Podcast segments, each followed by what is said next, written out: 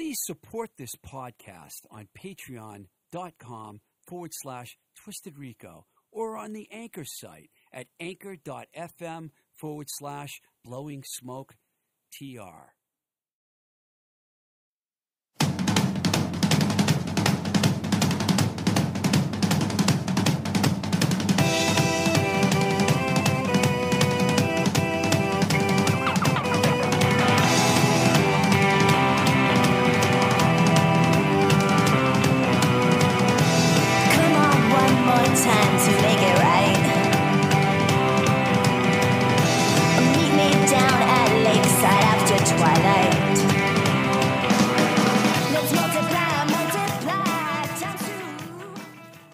Welcome to Blowing Smoke with Twisted Rico. I'm your host, Steve Ricardo, and we're going to do things a little different this week.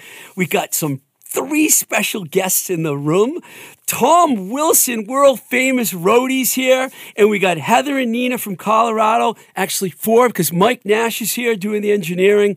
It's going to be kind of like an Independence Day special celebration on the Blowing Smoke with Twisted Rico podcast. But first, I have to tell you about Notch. Brewing, because Notch is such a good beer.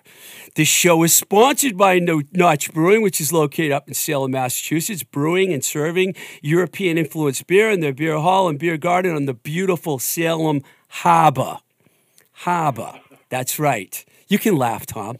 Notch is in the process of putting the touch, finishing touches on their second and new location at 525. I don't care if I screw up, we're leaving it in this week. At 525 Western Ave, which is in Brighton, Massachusetts, just minutes from downtown Boston. Notch's new location will have a beer hall, a large beer garden, and an outdoor live music venue. From what I understand and from what I heard this week, is they're a little behind with the opening. They're not quite open yet, but it could be open in the next couple of weeks, and they will be having shows in July and August. So not only do you get to drink some of the finest brews around, but you get to see live tunes. Notch beer is also available in Mass and Rhode Island through retail stores and also through mail order in Mass and PA because at least one person here was born in Pennsylvania and they drink a lot of beer in Pennsylvania. I know for a fact. In fact, Heather and Nina went to Notch Beer this week in Salem, and I haven't been there. And did you guys like it? It was awesome. It was really great. Really nice place um, and fabulous beer and, and yummy eats. Yummy Eats. I Yummy heard they have Yummy Eats. Yeah, we we took uh, several samples of what they had on the menu. We? So Yeah, it was really good. You liked it, Nina? Yeah, I think we tried three three different things. three different things. The pickled egg was, and I make pickled eggs, so it was uh, definitely different than what I make, but it was really good. And then we had Like a sausage. yeah, They're known La- for, like- or something. It was Yeah. so good. It was good. It was different.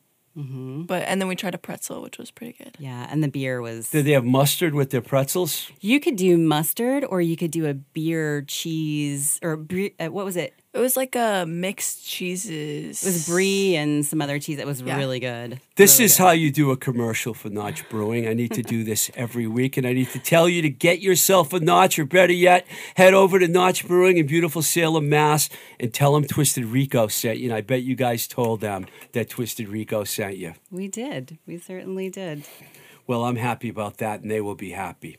So, skipping all the crazy stuff this week, but we are going to play a song first before we get to this great interview with Tom Wilson, who's been on the road with Cure, Depeche Mode, Janet Jackson, and he started a tour with Billie Eilish, and we're going to well, I think you already know why the tour never finished, but we'll talk about that a little bit. But first, I want to play a song for you. This is one of my best new recent discoveries of an absolutely cool band. The band's called Lovely.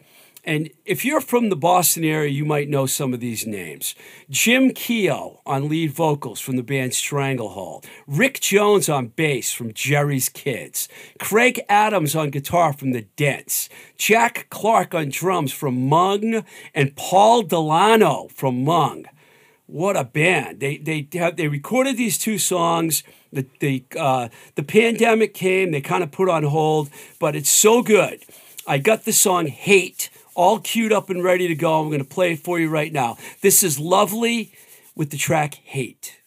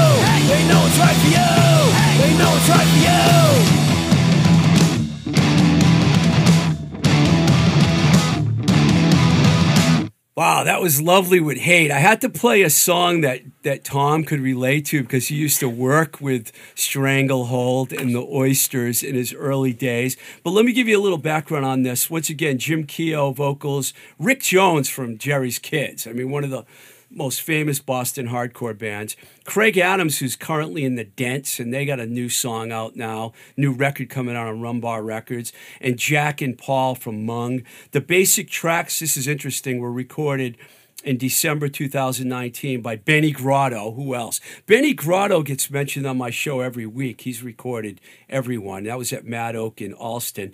And check this out the overdubs and mixes were completed in February 2020 right across the hall by Ethan DeSalt here at New Alliance Audio, and it was mastered by JP Masters. Uh, Craig did send me a little bit of uh, send me, excuse me, a little bit of a backstory, and I want to read that to you. He said that Lovely came together after him, Rick, and Paul and Jack played in a briefly reformed version of Stranglehold for a gig at the hometown throwdown with the Mighty Mighty Bosstones back in 2015. And they played a few other sh- shows with the Stranglehold lineup. And then Rick, Jimmy, Jack, and Craig started playing together, jamming and writing songs. They then invited Paul to come along. They recorded three songs, and then bingo, COVID hit. So the gigs they had scheduled all got canceled. Their recording sessions were put on hold. They only got two songs done. They were written pre COVID and lyrically talk about the dysfunctional discourse and madness in our country. Duh, I wonder what they're talking about there. 2020 and from 16, 2016 to 2020 was functional? I don't think so.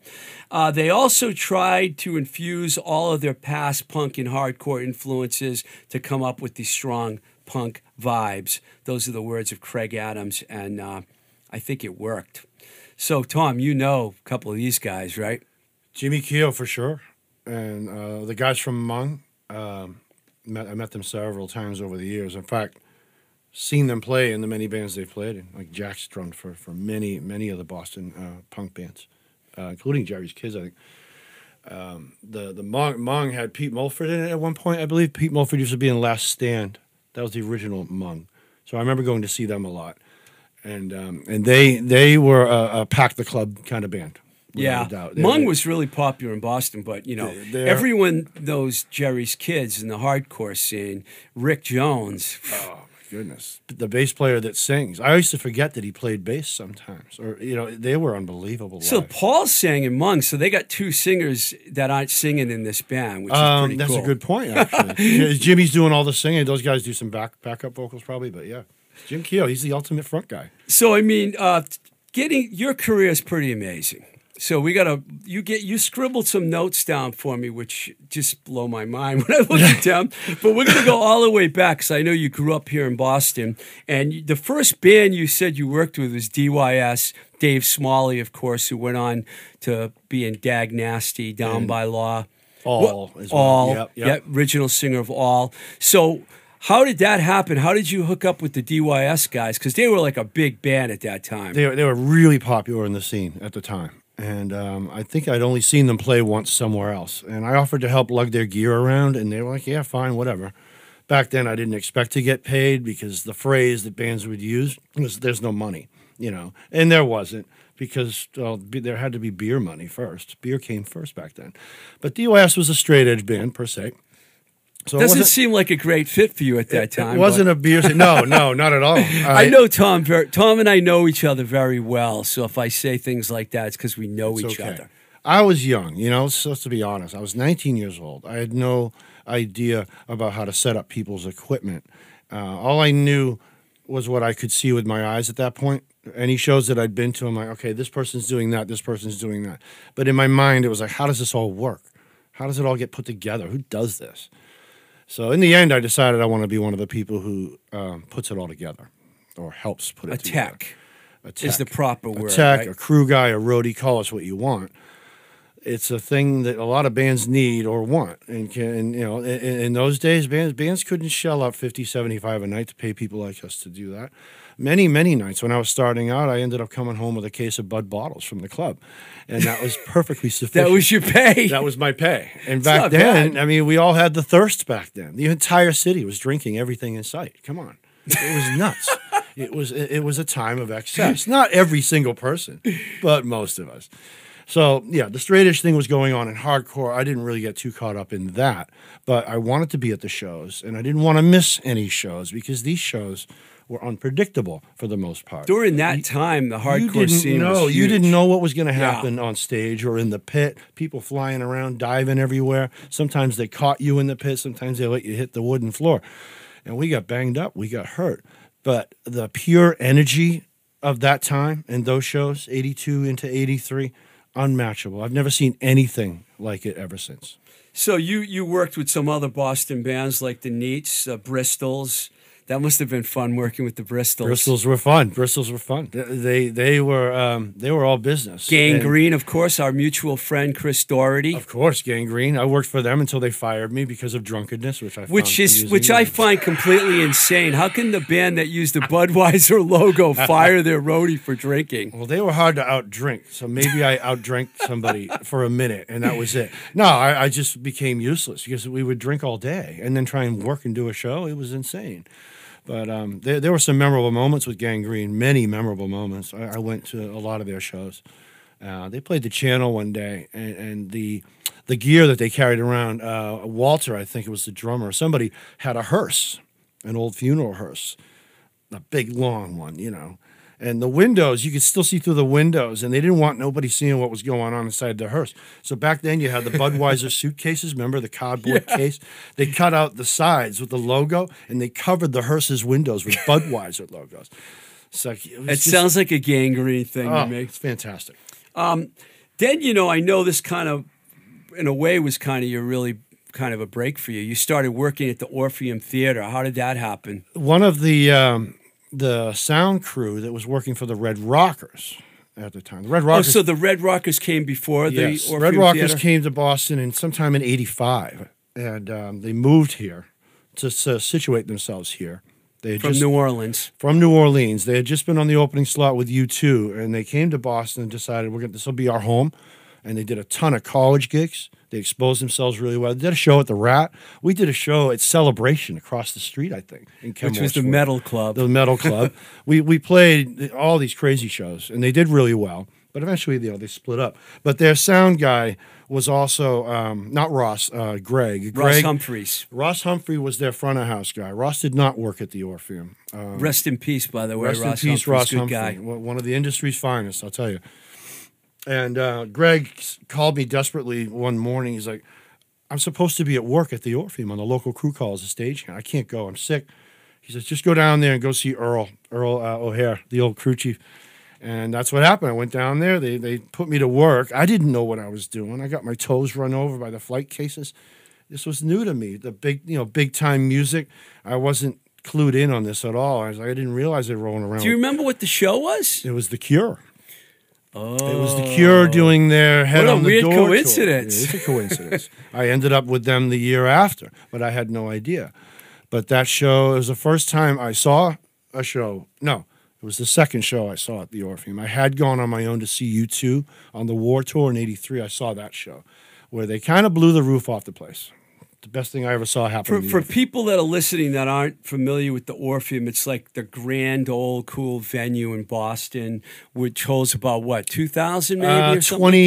like 2,800 if it's completely packed, maybe 2,500. And what I remember about that place is the balcony would start rocking. When Yes. people, it was scary, It man. was I saw some metal shows there. I saw Judas Priest Oh. uh, there, and, and the balcony was rocking. we it used was to moving. we used to us local guys the crew we had to run the, the spotlights which were also very heavy but they were in the balcony and we could feel it shaking it was really bizarre so i did a ton of shows there the cure being the first one but a lot of other stuff came through lou reed siouxsie and the banshees laurie anderson oingo boingo the list goes on stevie ray vaughan shot a video there aerosmith you shot paid a your video dues there.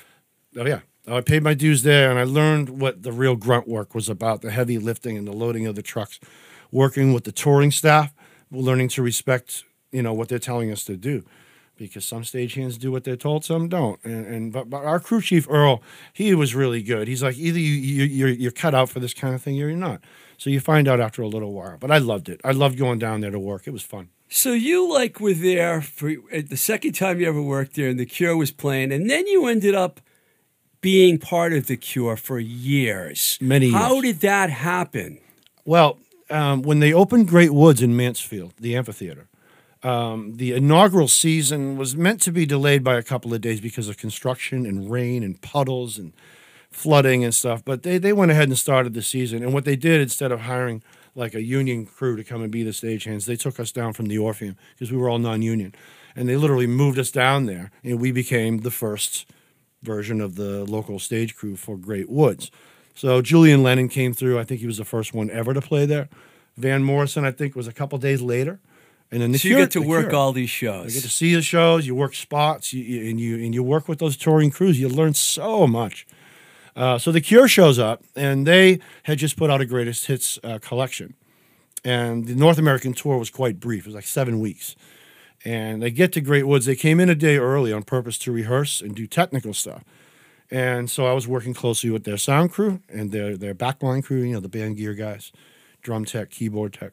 But they were missing a keyboard tech. Their keyboard tech had gotten on the plane with them from England, but had, for some mysterious reason, run off and gone back home. So they were short one person. I offered my services, which at the time wasn't much because let's keep in mind, I did not know what I was doing. You were mostly a drum tech. Yeah, I was, you know, 21, 22, 21 years old. So I knew a bit about drums and guitars, but I didn't know how to go on tour with a big band. But these guys were willing to give me a shot. They, they could see that I was keen, that I was willing to run around like a nut and do what had to be done. So I did that. I worked with them that night, where normally the stagehands, we go away during a big show like that, and the tour staff deals with it. They said, all right, you're watching the keyboard player. Watch him, and if anybody runs on stage, chase them off. And that, that was how the first night went. Because at, at that Great Woods, the way it was set up, the proscenium, there was no real barricade. So by the time they got to the encores, we had like 15, 20 kids running around on stage, and we all had to go out there and you know Throw the kids very off the politely get stage. them That off the sounds stage. like fun. So it was almost like a hardcore show to me. and I'm like, wait a minute, I thought I just kind of moving up here. It was mental. It was crazy. And throughout that tour, if we played outdoors, we, we had people getting on stage all the time. Uh, Greek Theater Berkeley was like that. Same problem.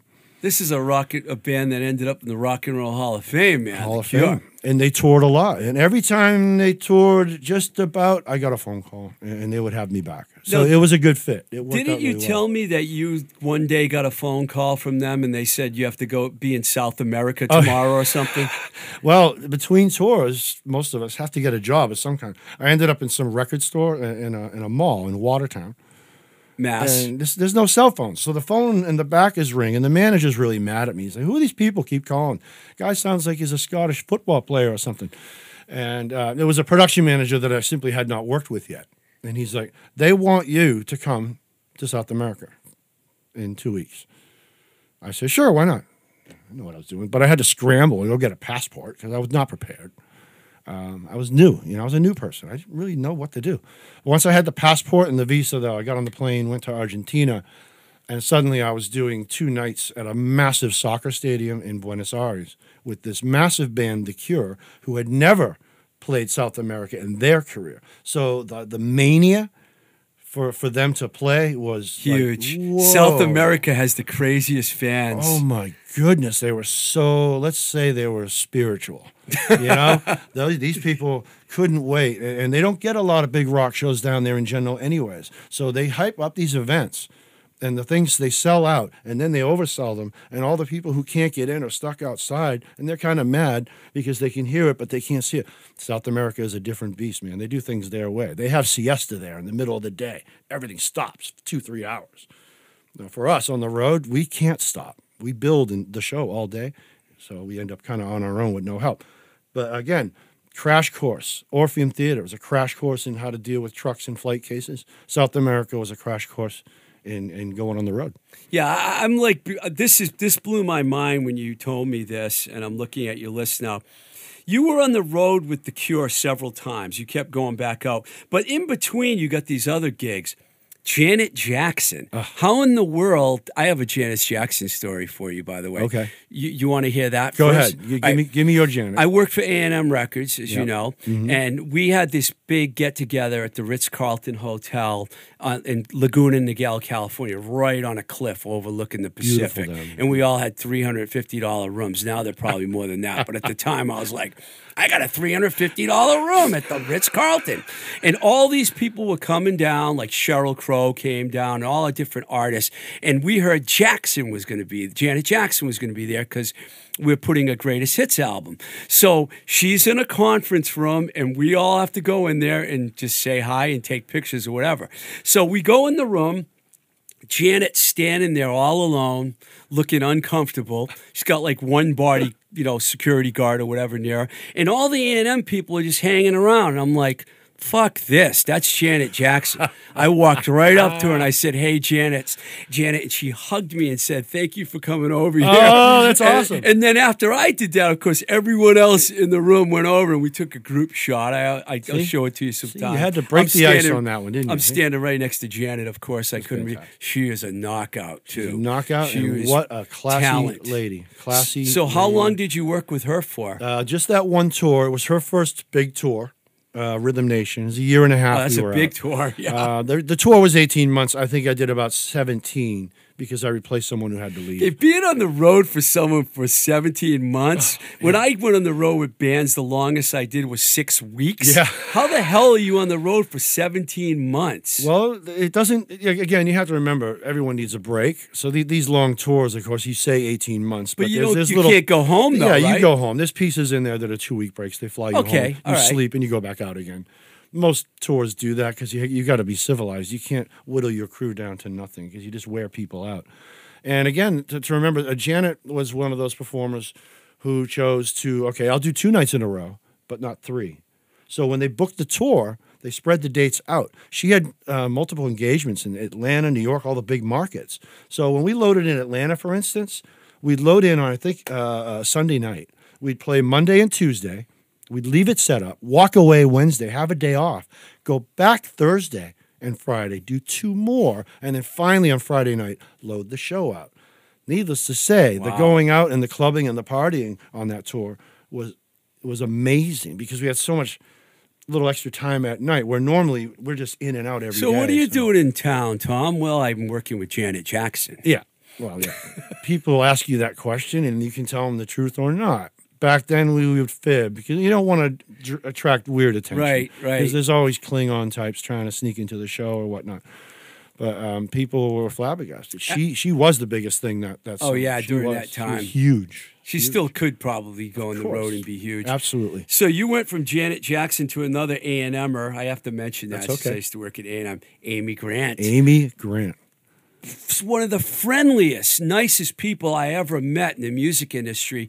No makeup, but she was like beautiful, Stunning lady. and she was friendly. Yep. And she, you know, she was a Christian, you know, Yeah, so she yeah. had that whole Christian vibe going on. Yep. But she was so cool, and I didn't mean to be No, no. negative when I said that for No, my, no, no. It's- my Christian listeners because I know there's so many of them out Yep. There that listen to this mm-hmm. show.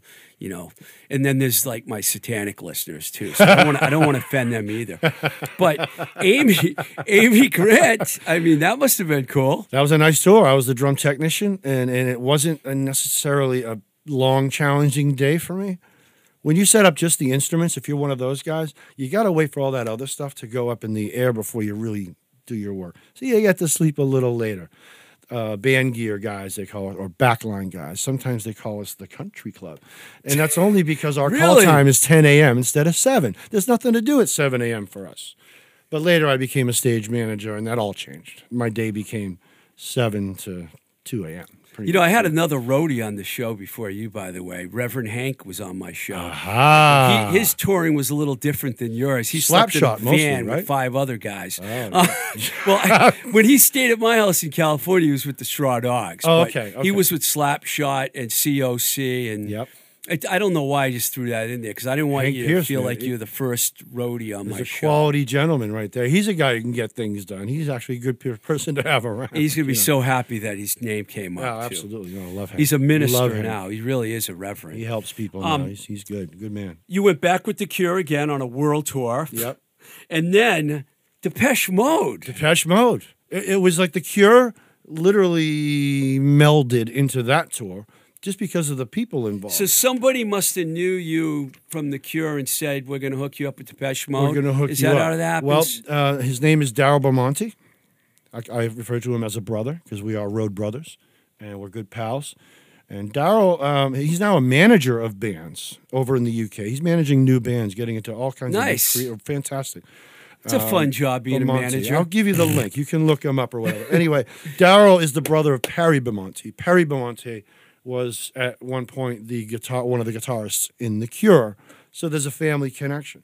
So in 1992, that long Cure tour, Daryl would come out and visit, as people do. Hey, and he's but he was watching the crew guys. Hmm, who can I snag for Depeche Mode? Who can I snag? Now he knew that I was a crazy drink party animal. I'd go to raves maniac. Daryl knew this about me. Yeah, I'll take him anyway. Off I went. On the, Did you on the- party much when you were at Depeche Mode? what a question! Yeah, I think Depeche Mode was the tour where I partied more than I ever have in my entire life. Just saying a lot because I had quite a long run there.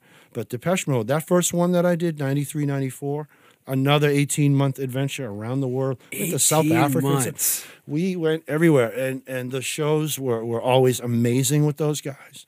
They were hard workers. Are they in the Rock and Roll Hall of Fame too? If they're Depeche not, Mode, they, they should be. I yeah. think they already are. They they should be. Yeah, they should be there. Heather, do you know? Are they in the Rock and Roll Hall of Fame?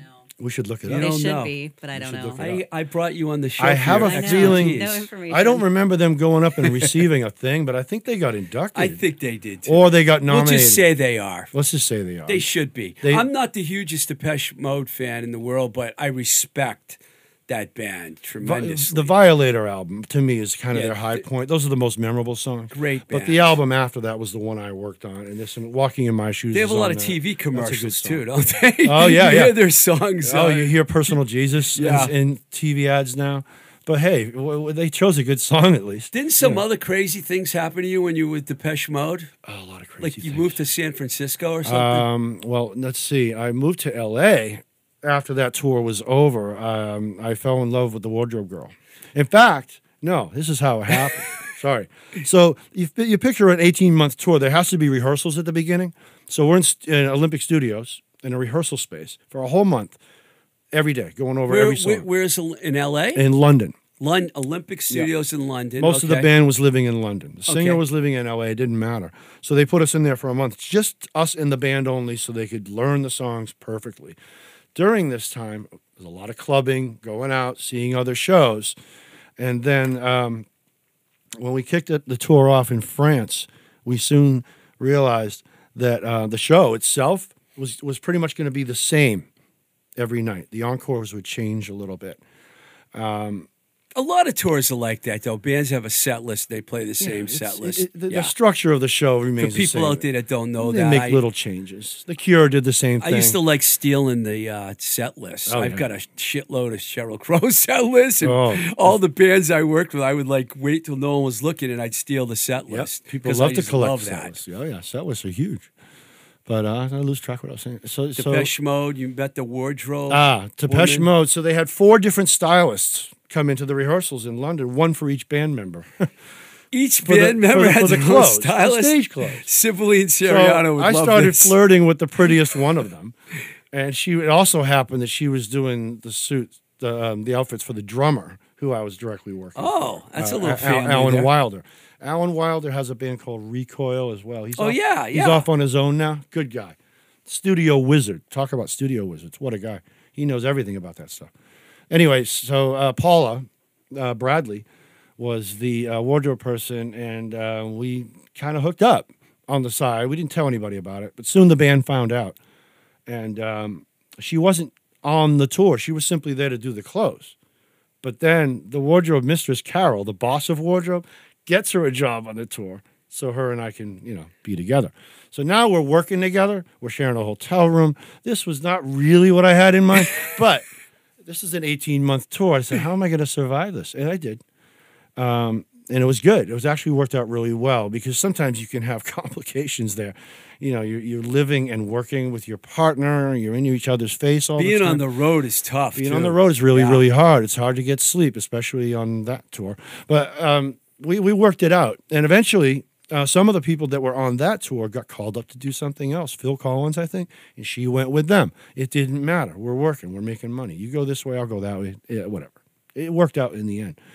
Um, but yeah, Depeche Mode ended in the summer of 94. And I have to say, there were about 45 of us on the crew, and none of us got any sleep. Lovely. Very little. I'm still catching up now. So All right, let's. Your, your list is like you know. Uh, I, I don't. I don't think we can talk about every one of these, but a couple things um, caught my attention. Uh, the Verve. The Verve, What, what did you do with the Verve? what a fantastic band! That was a phone call. I was living in L.A. and I wasn't looking for. I was looking for a tour. See, I, I was trying to get into film a little bit, working with film crews, but the work was sporadic, and I was getting kind of bored of it, to be honest. But I got called uh, by uh, Deptford John. What year were you living in L.A.? Uh, L.A. was from the time I got married, so I was there from '94 to about 2000. We were living in L.A. at the same We were time. cro- we crossed didn't each- hang out though. We in didn't LA. even know we were there, but I was away a lot of the time too. But uh, yeah, the Verve was. We didn't even know we were there. We didn't even know each other I, was I kind of knew I was there, but but I was also going on the road with bands. I met Heather when I was on the road with a band. That's how we met. Yep. We met in Pittsburgh, PA. Pittsburgh. What a city! Great. Did you know that, Nina? I did not. Yeah, I met your mother in uh, Pittsburgh when I was on the road with Jackopierce. I had no idea. She made me dance with her, and we went on the dance floor I together. may have heard about that actually. Yeah, you don't want to hear much more than that, other I- than that part. Gonna say uh, that one. so, Tom, so Richard Ashcroft, best, one of the best voices in rock and roll, man, in my opinion. He is a great Can singer. sing. and he can sing well. He his, his guitar playing's good. I remember we, we had a special carpet that we put out in front of his mic, said the Verve on it, because he wanted he, he's a barefoot guy. I Yeah, I don't wear I shoes. noticed that about him. So we had to make sure there was no glass and metal stuff on it every night. We used to laugh about he that. had to be barefoot at every to be show. barefoot at every show. We played some big festivals over in Ireland. We had Iggy Pop on the bill and Green Day with us. Um, Wow. Green Day set all their equipment on fire. This was uh, two, uh, 1998, I think. Yeah, 98. Green Day opened for the Verve. Yes, the Verve had the headlining slot. It was the O2 festivals, like when O2 first started. I don't know. I can't remember O2 very well we we kind of co-headlined with them, I think, but we always had the the final slot. So I was stage manager on that. And on that tour, I met um, one of my best friends in the world, my surrogate sister, Helen Smith, also known as Hell's Bells. She's a production assistant who has won I love her nickname. Oh my goodness, she's quite a lady. You'll meet her someday. She lives in, in, in England still. She's um, has won awards repeatedly, production For her uh, name? awards over in the UK for the work she's done. Madonna, Dolly Parton, uh, all kinds of stuff, and Depeche Mode too. She went out on Depeche Mode too. So made friends on the Verve, made important friends on the Verve, and uh, uh, what great music uh, in their repertoire. They were they were quite a great band to listen to. Uh, there's a, there's another band on your list that blew my mind when I saw it. The Dixie Chicks. The Dixie. Chicks. What was it like working with them? It was a little change for me. I'm not a country music guy. This was I'm after you the know. George Bush debacle, right? Uh, That you worked after- yeah, yeah. A few months after that had happened, So they got all over the blackballed by They got blackballed radio. by the radio and the fans, which I thought was kind of silly. But uh, they didn't seem shaken by that at all. In fact, they um, Natalie, is that the singer's? Natalie's I forget her last name. Natalie's the lead singer. And, She's um, really cool. I went out. I was stage manager, and I, again, I, I was new to the camp of people, but I blended in right away. A fantastic group of people she had working with them, just really lovely people. And I made some extra money. I was actually running one of the video cameras out front of house, and I had Natalie every night. I was her, you know, just just to project on the screens. So that was a nice busy. I. I love that they recorded a few Patty Griffin songs because I worked with Patty when I was at A&M. Let 'Em Fly became a number one hit. That's right. Patty Griffin from I had, uh, I had forgotten about the Patty Griffin. who started connection. in Harvard Square playing in the subway station. Wow, how about And that? That's right. Good for her. Patty's done well. She got a, uh, I think she got a Grammy for that actually as the songwriter. Fantastic. It was the song of the year, I think, if I'm not mistaken. Fantastic. Shakira. I don't know how in the world you ended up on some of these tours, but Well, that's a mind blower. I, I had I had removed myself from the industry uh, for for a few years to kind of sober up, get my head screwed back on. And I started looking around for something, and my buddy uh, Sean Saucier, he had heard about a possible opening on on Shakira, but um, I had to talk to a few people and convince them that I wasn't no you know no, no longer a, a crazy beer drinking. You know, Just beer? night clubbing maniac, beer and everything else. Well, not everything. I faintly remember a story about a pile of cocaine and a pile of Oh, yeah. sushi being right next to Oh each other. yeah, that that was the yeah my my first wedding, first time I got married. There We- really was a pile of cocaine oh and a yeah pile of sushi. For some reason, we thought it was a good idea. We thought it was a you know, that idea. would have been my dream night of all time Well, back in the you know old you know the. Luxor in Vegas, the, the Pyramid Yeah. Hotel that had just opened, Oh, and it was so new. We were told that no one had stayed in, in uh, a couple of the the little penthouse. What do you call them? Suites. yeah. the band Depeche Mode, who we were working for, they were stuck in L.A. doing a video shoot. They wanted to come and party with us because there was all these days off or whatever, and we chose to do this wedding uh, very kind of last minute in Vegas. The original plan was Acapulco, but that didn't work out.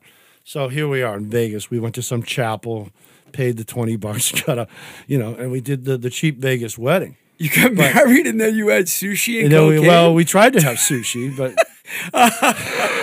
most of the know, sushi got thrown there, away. dude. I've been there. I don't know how anyone eats after cocaine, but you know it's. Oh, it was just. and I just wild. want to say that my cocaine years ended, you know, many years same ago. here, So I'm here. not trying to do a commercial for cocaine No, no, no, here. Sushi, it's fun yes. to talk about. sushi. though. yeah, I'll, I'll, I'll advertise sushi all day, but that was quite. Wow, a night. Tom. Quite a night. So wait, did Depeche Mode come out to the wedding and party with you? Or They no? wanted to. The manager wouldn't it. let them run away from their video shoot. That, that's that's the story I got, and they were kind of upset about it because hey, wait, we're the band. We can do whatever we want. Not No, this time. So you we had can't. to tell the band about what happened later, and they were kind of like, "Argh." they were a little, a little Wow. upset. That But they, is- they actually they um, shelled out actually I think for the the suite at Luxor.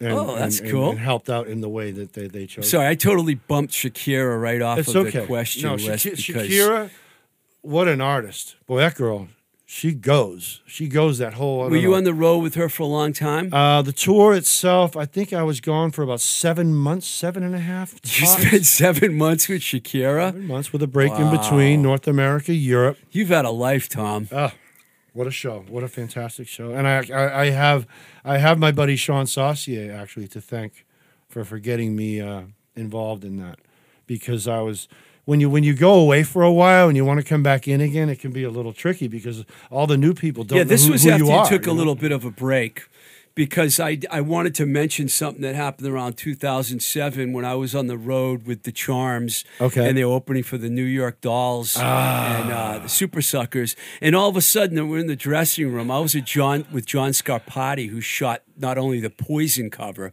but the New York Dolls Oh, cover. right. And we're hanging out, and Tom Petersson shows up, and he Cheap Trick, yep. yep, Cheap Tricks bassist. And all of a sudden, Tom Wilson and Chris Doherty from Gang Green come walking in the dressing room, and you guys didn't expect to see me. No, we did not. in. And they were, ah, we're hugging. And All. Chris, all Chris told me was like Darren was here, Darren, Hill, That's what it was. Chris said, "New York Dolls are playing. I think Darren's there. Let's go." and you drove down from Cincinnati. yeah, yep, down to Nashville. that we had fun that what night. a fantastic! None of us were drinking though at that time. It wasn't a big drinky mess thing. There were people just- drinking, but not us. I was on the wagon too. I was drinking. I was still drinking then. You, you I were? was. Oh yeah. Oh yeah. Well, Chris was drinking. Chris oh, wait a minute. Maybe I was the only one that wasn't drinking. Wait a second. I drank a lot of wine that night with John Scarpati. I was drinking. I'm getting my years confused. I mean, man. I, I'll, I'll admit, you know, I don't care. It's like I, I had intentions of staying sober, but at that particular time, I was still fussing with the idea. I remember John Scarpati was like, I haven't smoked any cigarettes for a while, Steve, and I know you have cigarettes, and now you got me drinking wine. Can I have a cigarette? I re- I, that's what made me realize I was drinking. But that was a fun hang down in Nashville. It was awesome. Being being at a show in Nashville is always it's such a. Am not a huge fan of the South in general, but Nashville's a fun place. And Darren Hill, if I had a band needed a manager, I'd go to him first. He's another class. he was on my show a little while back. Did top, you listen to yeah, the yeah, show? top, he- top gentleman, top gentleman. great guy. But you knew him from the Red Rockers. from the Red Rockers, That back yep. then. But uh, I'm going to fast forward all the way to 2000, and I know you were on the road with Melanie. Melanie Martinez, Martinez, a right? fairly new artist out of uh, Los Angeles. and then right when that ended, someone else wanted to take you on the road. And what ended up happening, Tom? Well, we we um, how did that happen? I got a phone call. Yeah, I got the call for Billie Eilish. I was in Munich. I'll never oh, forget. by it. the way, Billie Eilish called me. yeah, me Billie to go Eilish. on Well, tour. Billie Eilish's people called me, and uh, I signed on right away because the tour, Melanie's tour, the set that section of her tour was about to end anyway, and there wasn't really a great deal except for some makeup shows. So I decided to jump off Melanie in a peaceful fashion. And what you do is you tell them right away, "Hey, I'm going to jump off and do." 'Cause that way they're not expecting you when the next leg starts. It's just a courtesy thing. But I wasn't going to say no to Eilish. And, How uh, could you? lu- Before luckily- you talk about that, though, I want to mention something that's kind of funny that you connects you and I.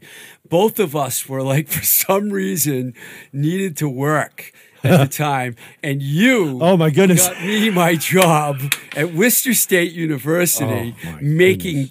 Quesadillas. Hey, it's the glamorous world rock and roll. We go from major labels in Depeche Hey, Mode to making food for college you kids. can't be fussy sometimes. And I had to humble myself a little bit and say, "Yeah, go make the sandwiches. Shut up." And make that them." was really weird because we were there together, but I enjoyed working with It you. was but so fun. it was like thirteen bucks an hour. Yeah, I know. and we're like, "What the fuck are we doing we here?" were, what, we, uh, we were on six or seven hours a day. We couldn't even get overtime. But I was there when uh, uh, Melissa, uh, I don't know her. I'm sorry, Martinez. Miss, Oh, uh, Melanie Martinez. When Melanie Martinez, when you got the gig, I remember that I picked you up. Remember, and That's you right. said, That's right. I got a gig. And I'm like, what? and then you call me and you're like, I'm going out with Billie Eilish. And then the pandemic. I want to. I wanted to go Yeah. back for a second. then We- you did how many shows with Billie Eilish? we actually did uh, Miami, Orlando, Raleigh, North Carol- Carolina. and Three then shows. It was in March 2020. Yes. Uh, you know what? Hang on. I think there were two nights in Miami,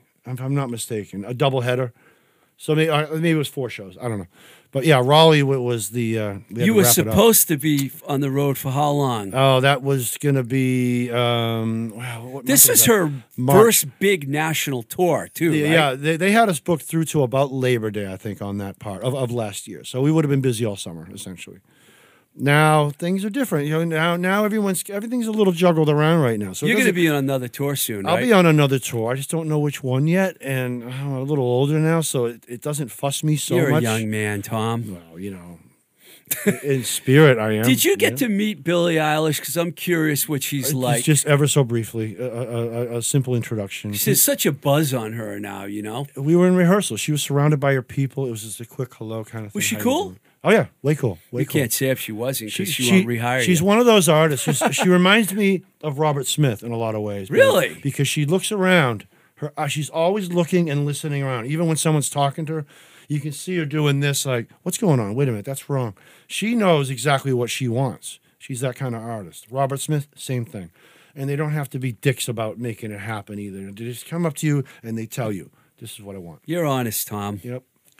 Well, I hope that you get another big tour because you deserve one. Thank you. And uh, we're going to have a little fun right now because we're going to talk about our 10 favorite Boston bands of all time. But before that, before that, I want to plug Notch Beer again because there was something that I forgot to ask Heather about. the beer.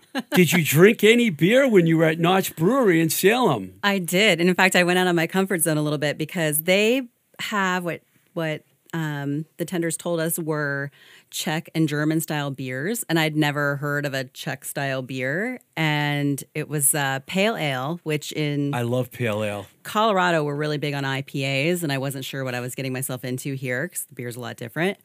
But uh, it was delicious, and they they took one of the Czech uh, pale ales and they mixed either like lemon or lemonade. It must have been lemon because it wasn't sweet. It was so good, so refreshing on a humid day. I could have shot about five of those in a heartbeat, but What was family it- vacation, you know. Did I? I don't know if I asked you this before, but what was it like hanging out at a brewery in Salem, Mass, which is kind of a cool town? Well, what's really nice is it's right on the water, so like you're right down by the the river. Harbor. It's almost harbor. secluded. Like you can't. Yeah. See it from the Salem, road. Salem Harbor. Yeah. Yeah, Harbor. but it was really nice, and I felt like Can we everyone weren't just say harbor? Everybody says Harbor. Harbor. Say harbor, Harbor. Enid. Ha- Nina's like, I'm from Colorado. That's I'm not saying Say harbor. harbor.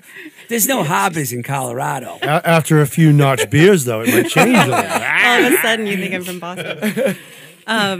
But overall, you give the place a, uh, the place a high grade. right? Oh heck yeah! And, Better, you know, otherwise I'm going to lose my sponsor. What was really nice when you're in Salem, it's all tourists, right? And A I've lot- traveled a a, lot of lot. tourists. You can kind of spot them a mile away, and and you know people aren't paying attention; they're bumping into you, whatever. But um, when we were in the brewery, it just felt like you were at a local brewery. There were all locals in there. There were a couple families in there that were just like hanging out, playing skee ball.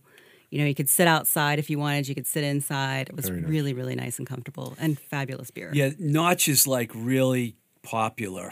People love Notch. It's like one of those places. And when their new venue opens up here and right down the road from here, actually, is going to be a big buzz on that place. I love that combination too, having you know the live music and the Notch Brewing uh, uh, Instagram page has been showing the the how the place is evolving into a venue. They're a little behind schedule as far as opening, but they're going to be open soon. It'll kick in once they get There's the going to live be bands going. down there and everything. They got a booking agent, I heard too. Oh, good, good. Um, someone that booked locally, and it escapes me who it is. But I'm not up on all the recent Boston bookers, but I'm sure there's a lot of talented booking agents in Boston. Yes. So, okay, I like to have a little fun sometimes and throw weird topics out there.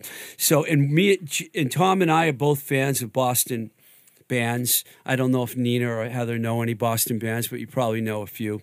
Um, have you ever heard of the Dropkick Murphys, uh, Nina? I have not. Okay, I it's failed okay. as a mother. Um, I'm so sorry. that is like my biggest disappointment. I've probably heard some of their songs and just not realized, but When we, after we do this, I'm gonna give you a little time to think about some of your favorite artists because we want to know who they are. Favorite. Oh, new art- it's gonna be very think. different. Just think about it, and then we'll, we'll let you know when we're ready. Because Tom and I are gonna mention a bunch of bands that you never heard of. Tom, I'm the guest, so I call the shots. So you tell me who your favorite ten Boston bands are of all time Okay. now, and then I'll give you mine. Now this was difficult. You difficult. go first. This was difficult. It started out with twenty. If but- you say one, I'm going to tell you if they're on my list or not okay. right away. So I'll go slowly. I'm just going to read down Okay. ten, but I'll go slowly. All right. All right. First one. Outlets. they're on my list. Gang Green. They're on my list. the Neats. They aren't on my list, but they should be on my Okay. list. Dogmatics. Good one. Jerry's Kids. They, I consider them one of the greatest hardcore live bands ever, but I have only seen them a couple of times, so I, Fair enough. I'm being honest. Next one. The Real Kids. They, they're on my honorable mention Okay. list. Fair enough. Yep. Uh, the 360s. No, good one. Uh, Marblehead North Shore Band. Audrey Russell was the singer. Eric Russell on guitar. Extraordinary band. Marblehead's right next to Salem, by the way. Okay. Uh, I didn't know about the 360s till my wife Liz turned me on to them and said you have to listen to the to great. Liz Really- Perez. 90s band worth checking out. They they almost got somewhere. The whole story there. They almost broke out. Almost. Uh, next on the list, Moving Targets. Yeah, Kenny Chambers and the Moving Targets will be here in November playing with Field Day Yep. with Doug and uh, Peter from Dag Nasty. Excellent. Uh, next on the list, this would be number eight. No, number nine, Neighborhoods. You know they're on my list. What a live show! One of the best live shows probably I've ever seen in Boston. One They of the never best fail. live bands ever. Uh, and then you won't you won't be ready for this. My last one on here, Robin Lane and the Chartbusters. That's a good one. R.I.P. Uh, wow, the guitars are gone. There were some Asa Brebner guitars in Oh, here, was but there? they're not here anymore. But Oh, Asa played with Robin Lane a lot. Rest in peace, away. Asa. What a guy. Yeah, I can't. It's too bad. We know a lot of people that have passed away. What a great talent, Asa. Yeah, Terrific was guitar something. player. He So was good. something. So good. All right, I, you know half my list, but I'm going to just run down it anyways. And I did not exclude bands that I signed, obviously, because I have the outlets in the neighborhoods at the very top of my list. And people always tell me, ask me, who's your favorite Boston band ever? Nothing personal against the other bands on this list, but it's true that the outlets are my favorite Boston band ever. I can't deny that because they were the.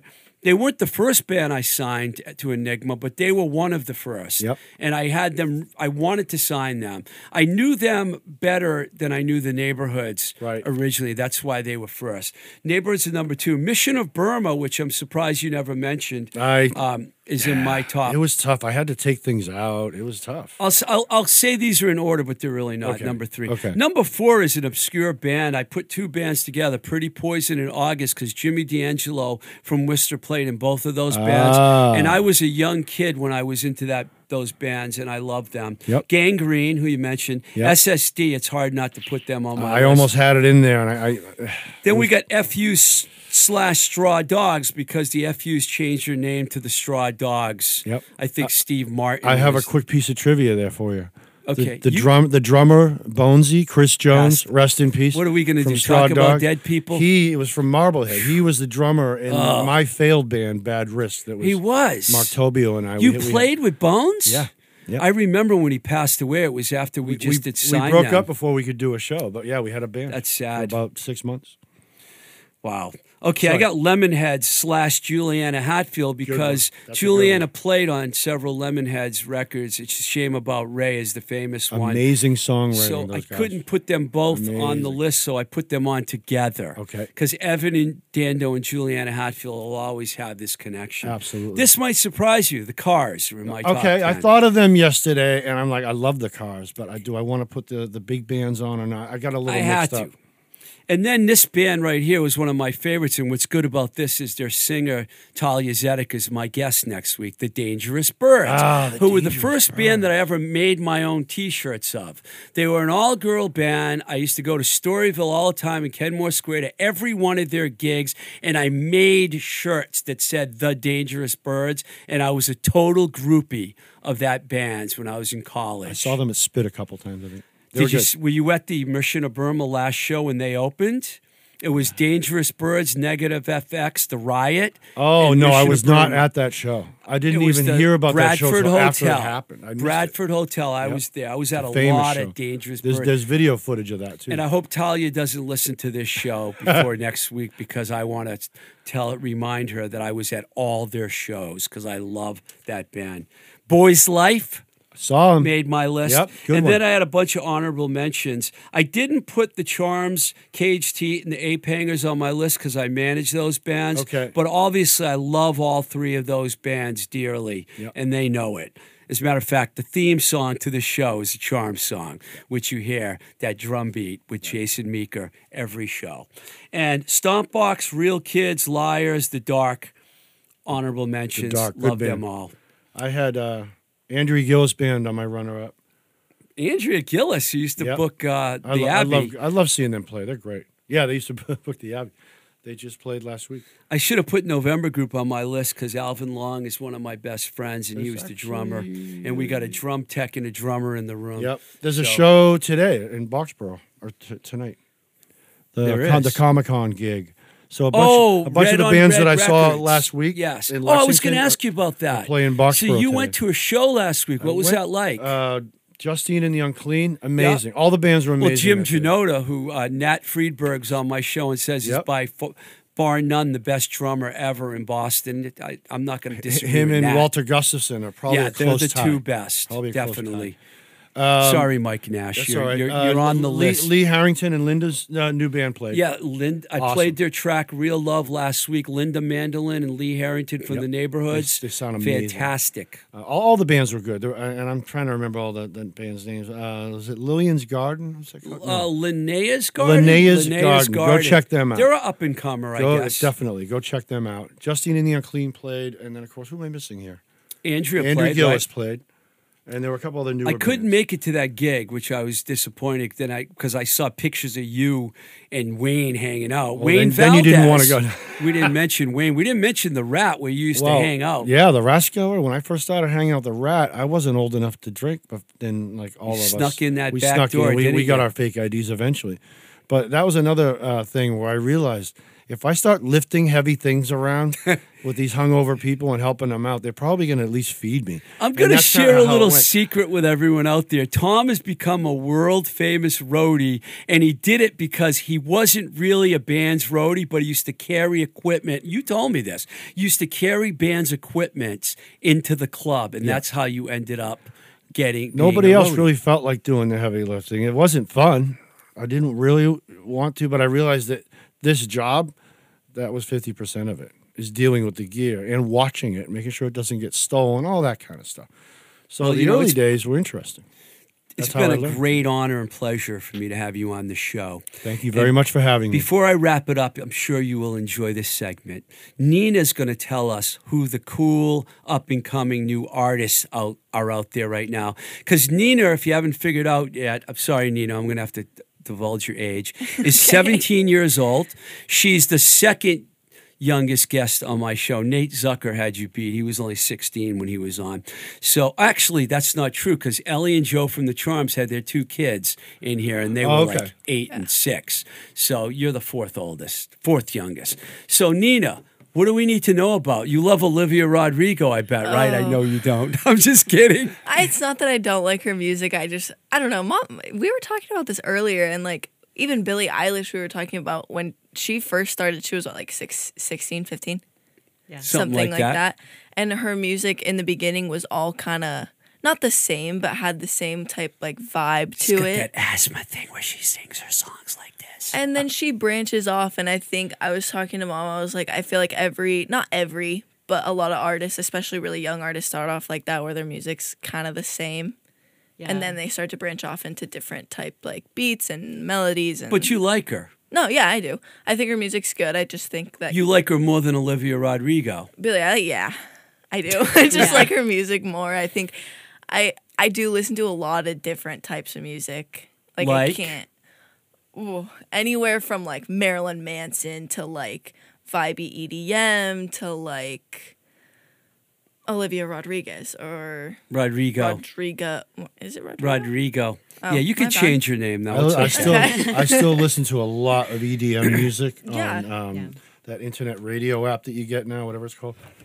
So you you knew who Beach Bunny was because the other day when we were uh, doing some tour, we we did a little touring ourselves. When Yeah. I I put Beach Bunny on, you knew who they were, and I was impressed by that. I did. Heather said you were singing along with the song. I was, and I think like even like I'll listen to like hard rap even sometimes, and I think it's just like the social media now is like a really good way of like being able to listen to a lot of different types of music. It's a lot more open than it was like 20 years ago. Yeah, Cool. just watching TikTok, you'll hear if you know whoever if you're just like kind of scrolling through stuff, you'll hear songs by different people in the background, Or and like it's like, oh, what's that song? ads or The, yeah, we would never be exposed to. Like when I was a kid growing up, you listened to one station on the radio, and whatever they played, that's kind of what you'd follow. Well, when was the last time you listened to the radio? Like, yeah, never. and now we have Spotify and all these different types of apps where you have the ability to listen to different types of music and create your own playlists that you like. And I mean, I have like 13 different playlists on Spotify and they're all different genres. Can't wait to check those out. I will too. I will find those playlists. it's funny because when I was an A&R guy, there was no TikTok. We used to get these things called cassettes in the mail, and we used to yeah. listen to them. if Yeah, we liked yeah. them, we'd sign the band. That's right. That's But, how um, it worked. Cassettes well- were king. I thank you all for coming on the show this week. It's been fun. Heather, Nina, Tom. I mean, it, it was a, it was a Independence Day weekend celebration. Thank you very much, Steve. Thank you. My pleasure. If you guys, if anyone out there wants to get in touch with me, you can find me at twistedrico at gmail.com, at blowing smoke with TR on Instagram, at blowing smoke BS on Twitter. And I would love it if you checked out my Patreon page, which is patreon.com forward slash twisted rico. By the way, if you listen to my podcast on iTunes or Spotify, can you subscribe to it and like it? because I need more subscribers. I was noticing that this week. There's some other podcasts, which I think this one's way better than, that have more subscribers, and I'm offended by that. So please, as I use, oh, there's also a YouTube page where you can hear some of the shows, and someday we'll have video. It's not because of Mike that we don't have video, it's because of me, because all I have to do is say, Mike, Let's do video, and we'll do video. Speaking of Mike Nash, thank you. Voice Motel in Somerville, where we are today. We engineer the show here. Mike engineers the show here. I just talk into the microphone. And uh, if you want to hear another podcast of mine, check out Seems to Me with Sibylline Seriano, which is also on Apple, Spotify, Anchor, Google, Breaker, etc. And as I say every week, till the next time we say goodbye, this is Blowing Smoke with Twisted Rico. I'm your host, Steve Ricardo. Keep the rock and roll alive. Don't take it personally, Busy Philipps, but I do love you, but I'm not going to give you all the props anymore because you don't return any of my messages, but I still love you. Peace, everyone.